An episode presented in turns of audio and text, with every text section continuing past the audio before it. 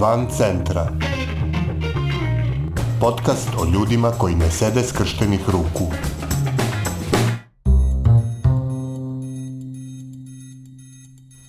Ovo je 63. epizoda podcasta Van centra, koji prati napore ljudi iz cele Srbije da poboljšaju kvalitet života u svojim sredinama.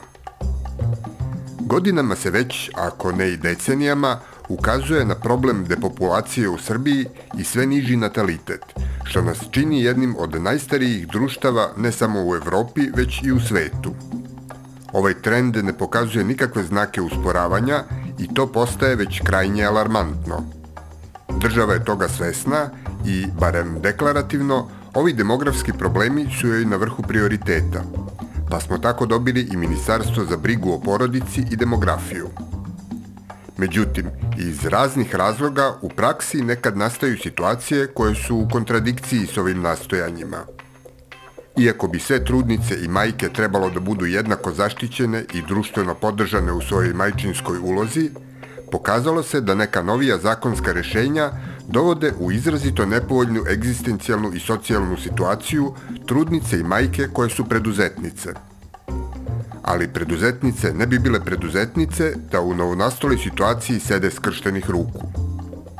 O tome kako su mame preduzetnice stavljene u neravnopravan položaj, na koji način se to odražava na njihovu životnu situaciju i šta su u vezi s tim preduzele, u ovoj epizodi razgovaramo s Mašom Đurić, aktivistkinjom inicijative i preduzetnice su mame. Dakle, udruženje Mame su zakon i digitalna zajednica su se udružile u, u borbi da se prava preduzetnica izjednače sa pravima zaposlenih žena. Ja tu kao buduća majka i neko ko sad ulazi u deveti mesec trudnoće i dalje radim i preduzetnica sam, sam pre nekoliko meseci shvatila koja su sve to prava koje ja neću imati, a na koja sam negde računala i onda sam im se priključila time što sam pre svega napisala tekst koji je bio objavljen na, na portalu Nova RS i a, privukao neku, kažemo, malo veću pažnju javnosti, jer mislim da kada ljudima objašnjavamo jednostavnim jezikom šta je problem i na kako se to lično odnosi na nas, da nas ljudi bolje razumeju i samim tim bolje reaguju. Ekipa, dakle, iz ove organizacije Mame su zakon i e, digitalne zajednice su pokrenule peticiju na sad sve poznatijem sajtu Kreni promeni. Sad, do sad je skupljeno negde skoro 50.000 potpisa. U trenutku kad smo bili na 41.000, te potpise smo predali vladi sa zahtjevima da se da dođe do nekih izmene promena zakona. E, ovde se ne traži nikakav specijalan tretman budućih majki preduzetnica, već samo izjednačavanje sa svim ostalim zaposlenim ženama. Možda nekako treba reći da, da, da bi ljudi bolje razumeli uopšte šta to znači biti preduzetnica, to su dakle i a, vaše frizerke, vaše advokatice, govođe, dakle sve žene koje samostalno obavljaju svoje biznise, nekad one imaju odnosno zaposlene ljude, u mom slučaju ja nemam zaposleni tim, dakle ja sam ono one woman show što bi se reklo. I E, sad samo zamislite u trenutku kada saznate da se trudni, trudnoća, pogotovo ako je prva prati najrazličitije neke simptome od mučnine do čega sve ne, da sad ne nabrajam što sam ja proživala u prethodnih 8 meseci i u tom trenutku vi u slučaju da se zaposlena žena vi lepo otvorite porodiljsko, e, odnosno trudničko, brinete, vodite svoju, svoju trudnoću, a mi prosto preduzetnice nemamo taj luksuz da batalimo svoje biznise na dve godine i da kao e, znamo da ćemo im se vratiti i da će sve biti normalno. To je prva neka prepreka koju preduzetnice imaju, ali ajde da kažemo to smo same izabrale. Dakle, same smo izabrale da vodimo svoje biznise i znamo da nismo u povlašćenoj poziciji u tom smislu i spremne smo na to. A onaj deo koji je zapravo problematičan jeste ono gde nas zakon sputava da ostvarimo neka prava. O kojim se tu zakonima radi, šta to sve u njima ne valja i kakve izmene se predlažu? Kažem, često, više bih volala da sam svoju trudnoću provela čitajući knjige o trudnoći, o vaspitanju dece, o, kupovala benkice i ne znam šta sve normalne trudne žene rade. Ja sam, iako nemam nikako, da kažem, pravno znanje, apsolutno ne, nisam izvežbana da čitam i da razumem zakone, ja sam, ja sam nekako čitala i pokušavala da shvatim šta je sve problem i to je jako teško razumeti do trenutka dok vi ne vidite u praksi kako se određene stvari realizuju. Dakle, nigde vi u zakonu verovatno nećete pročitati, e, znate, vi ako ste preduzetnice, nemate te, ta, ta i ta prava, ali od kad je zakon donet krajem 2017. godine, a sa njime počela primjena negde sredinom 2018. krenuli su problemi da se dešavaju. Ove e, predlo, e, predloge izmene zakona koje smo mi tražili u oktobru, dakle organizacija Mama se zakon i digitalna zajednica, se odnose na tri zakona. Zakon o zdravstvenom osiguranju, zakon o doprinosima na obavezno socijalno osiguranje i zakon o finansijskoj podršci porodica sa decom. To su dakle tri zakona koje u određenim članovima kaže određene izmene.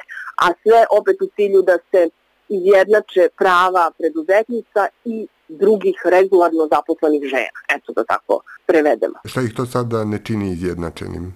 Ono što su, što su predstavnice ovih, ovih organizacija tražilo jeste pravo na pun iznos naknade u, to, u toku trudničkog odsustva za preduzetnice koje privremeno ne obavljanje delatnosti, pravo na pravičan obračun naknade na osnovu kojeg bi preduzetnici imala uplaćene doprinose za obavezno socijalno osiguranje toku porodiljskog odsustva i odsustva sa rada radi nege deteta, jednakost u korišćenju prava odsustva sa rada radi nege deteta formalno, zvanično, to su, to su zahtevi koje predstavljaju, koje su izmene ovog zakona koju, koju smo predložili u oktobru. Ali u suštini, koliko sam shvatio, jedan od najvećih problema je to što se e, pod tim postojećim zakonskim rešenjima preduzetnice tretiraju kao nezaposlene. Tako je, dakle sve te izmene koje su donete 2017. a počela se primenju 2018. godine su preduzetnice stavile u taj nesretan položaj, odnosno one su percipirane kao nezaposlene žene tom logikom, ja kada e, mi dete napuni tri meseca i dakle tada se završava porodiljsko, a kreće to što se zove nega deteta i nega deteta traje od bebinog trećeg meseca do prve godine života.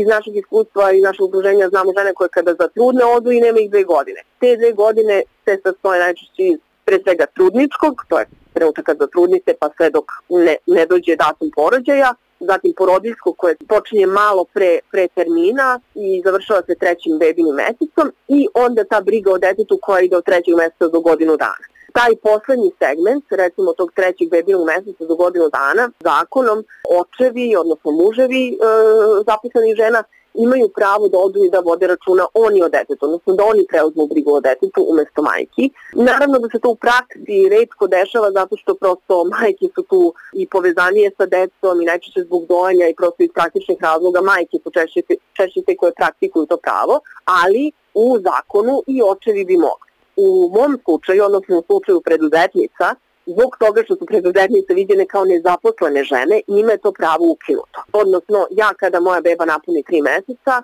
umesto da mogu da imam opciju da se vratim tim svojim klijentima koje sam, ajde kažemo, ono, ostavila da vise ovih nekoliko meseci i pokušavam da nekako oporavim svoj biznis, moj muž nema pravo da uzme brigu o detetu i da je koristi od dakle, bebinog trećeg meseca do prve godine života. Isto tako jedna od stvari koja je dosta problematična, dakle za rođeno treće i svako naredno dete, zaposlene žene imaju pravo na odsustvo trajanje od dve godine. Tu pričamo dakle porodiljsko i ta nega o detetu, dakle do, be, do bebinog, do detetovog drugog rođendana vi možete biti odsutni, e preduzetnice nemaju to pravo za mene lično je najveći problem bio to što prosto moj muž neće moći da preuzme brigu, brigu o detetu ako ne dođe do promena, do promena ovih zakona. To je znači u stvari za, zapravo vama lično bio okidač da se angažujete u ovoj inicijativi. Tako je. Dakle, ja sam znala i nisam ni planirala da odem na, na trudničko zato što nisam znala kako to da izvedem. Dakle, nemam, nemam predstavu kako, kako mogu samo da mahnem svojim klijentima i da nestanem. Znala sam da su te naknade toliko bedne, da prosto mi se ne isplati, ajde tako da, da, da objasnimo. To u matematici znači da ja u slučaju da sam otvorila trudničko, da bih primala nekih 30.000 dinara, a, nešto malo iznad minimalca, po toj mojoj osnovici kad se izračuna 18 meseci komplikovana matematika, ali eto, na, na, na to se svodi. I onda u tom trenutku ja otvaram recimo trudničko i moram da zamrznem najčešće prakse da se zamrzne agencija, jer ako ste otvorili trudničko ne možete da radite, jel? Međutim, postoji opcija da vi i dalje, ne znam, u slučaju da imate klijente koji kažu pa dobro, eto ti si sad trudna, naša dobra volja je, a ima i takvih slučajeva, da želimo da ti na nekom mesečnom nivou uplaćujemo neki fee, prosto da bi ti eto, ostala sa nama, da te podržimo i tako dalje.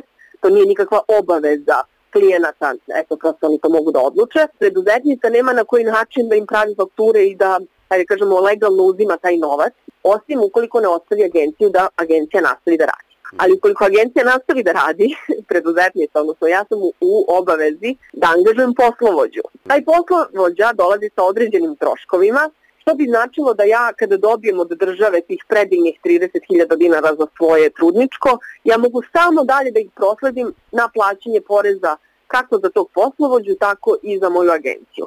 Dakle, meni država ne pokriva poreze moje agencije, nego ja moram ili da je zamrznem ili da nastavim, da nastavim da plaćam poreze koji su manje više jednaki tim primanjima koje, koje bih imala. Tako da ja nisam ni računala na to, računala sam da radim do poslednjeg trenutka i iz ove perspektive mogu da kažem da je to jako teško i naporno i da postoji dobar razlog zašto žene e, treba da imaju pravo da, da ne rade kad su trudne. Ja imam tu privilegiju da radim od kuće pa da sam sada u nekoj polu pidžami trenerci. E, moja prijateljica koja je frizerka, koja je isto tako trudna, ona žena ako se ne pojavi u salonu, ona tog dana ne može da zaradi novac. Ista je situacija sa drugom prijateljicom koja je stomatološkinja. U trenutku kad je ona, kad je ona zatrudnela, ona prosto nije mogla da odlazi na posao i, i da radi ali ajde, sve su to stvari na koje sam ja računala i na koje sam bila spremna, ali eto šamar je došao onog trenutka kad sam shvatila da nešto na što sam računala, nešto što smo moj muž i ja planirali, a to je da on preuzme brigu o detetu, upravo da bih ja mogla da se vratiti svojim klijentima, da bismo imali jednu njegovu platu na koju bismo mogli da računamo, da se, ajde da kažem, opustimo, da budemo sigurni da nećemo bukvalno ono umreti od gladi, da ćemo imati kako da platimo pelene, dohrane, šta god već da zahteva, zahteva podizanje deteta i onda smo shvatili da to nije opcija za nas i da nam je to pravo, pravo uskraćeno. Šta je e, sve prethodilo uručenju ovih zakonskih predloga? Koje aktivnosti je inicijativa pre toga organizovala? E, pomenuli smo peticiju da li bilo još nešto, nekakve kampanje medijske, ulične akcije? Sa samom peticijom se krenulo na leto ove godine.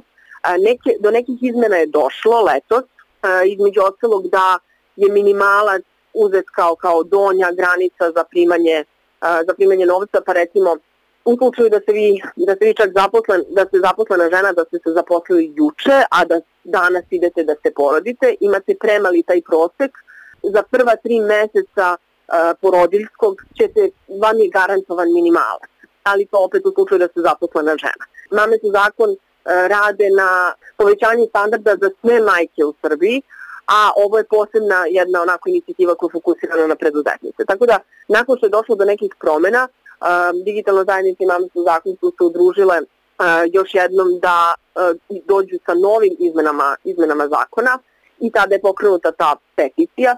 Tako da, što se tiče same peticije, ona i tema, tema peticije je podigla prašinu u javnosti i moj utisak, evo to onako kažem najiskrenije, da taj tekst koji sam ja napisala, a za koji znam da ima dosta čitanja i da je doveo veliki broj ljudi na sajt da kreni promeni, da se peticija potpiše, jer čini mi se nekako doneo neki novi talas razumevanja pre svega među, među svim ljudima, jer ne postoji, niko vam neće reći ma, niko, niko nije protiv majki i protiv trudnice, niko neće reći ma ne treba to i tako dalje. Tako da mislim da bilo je stvarno dosta medijskih nastupa i mojih i, i predstavnica ovih organizacija i ono što je najvažnije, pored tog, aj kažemo, medijskog pritiska, jeste saradnja sa, sa ministarstvima. Ono što je negde važno i što mene ohrabruje, iako sam uh, onako, iako mi se po, po, porođaj bliži, jeste da postoji dobra volja stvarno um,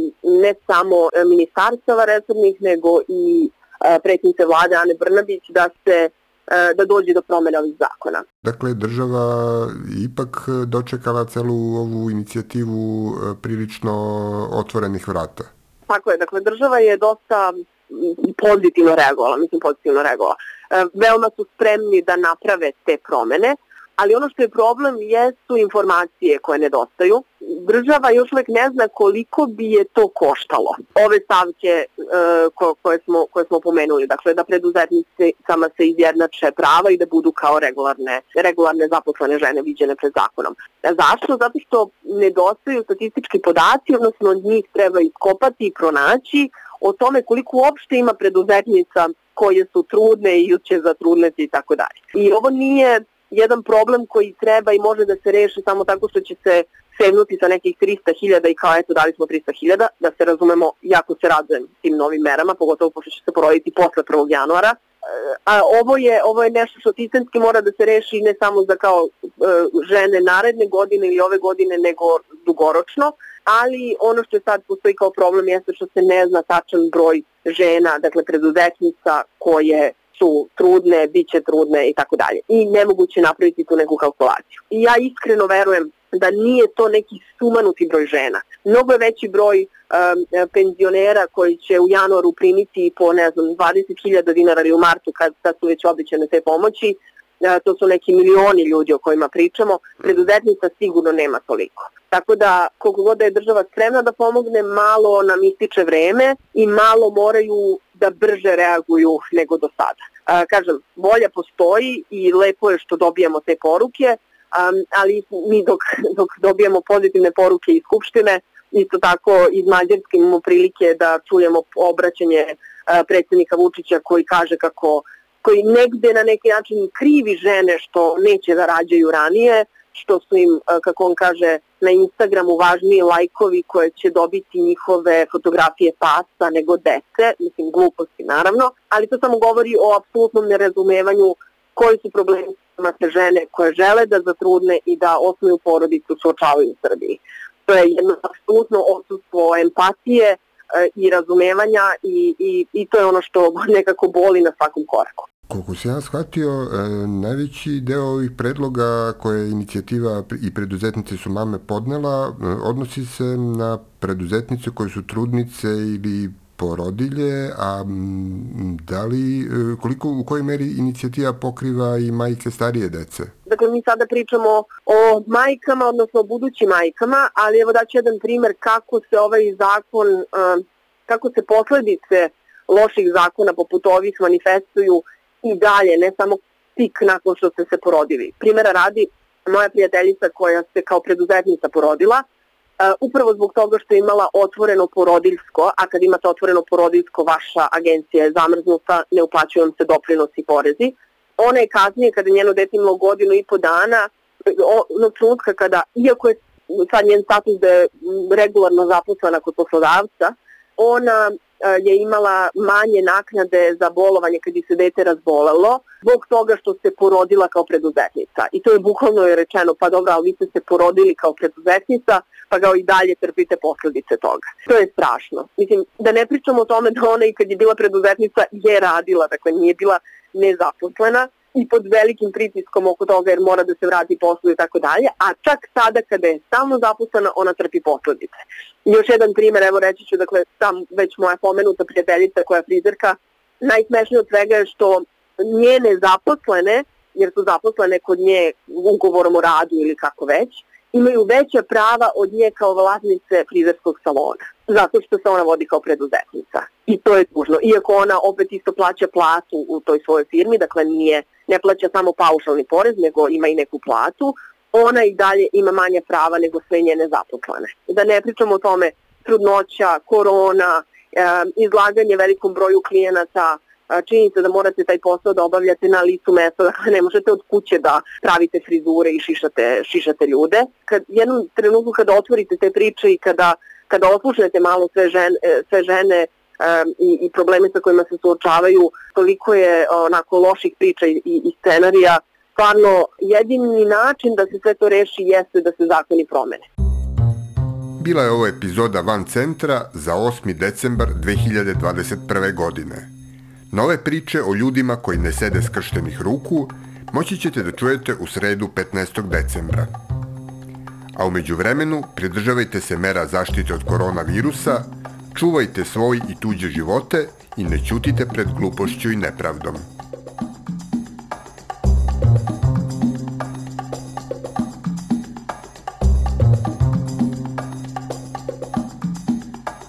Van centra je autorski podcast koji se realizuje uz podršku građanskih inicijativa.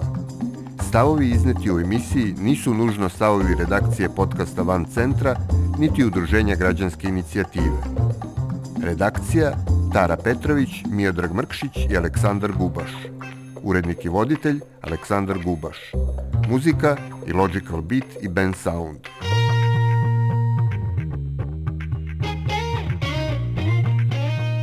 Van centra. Podcast o ljudima koji ne sede skrštenih ruku.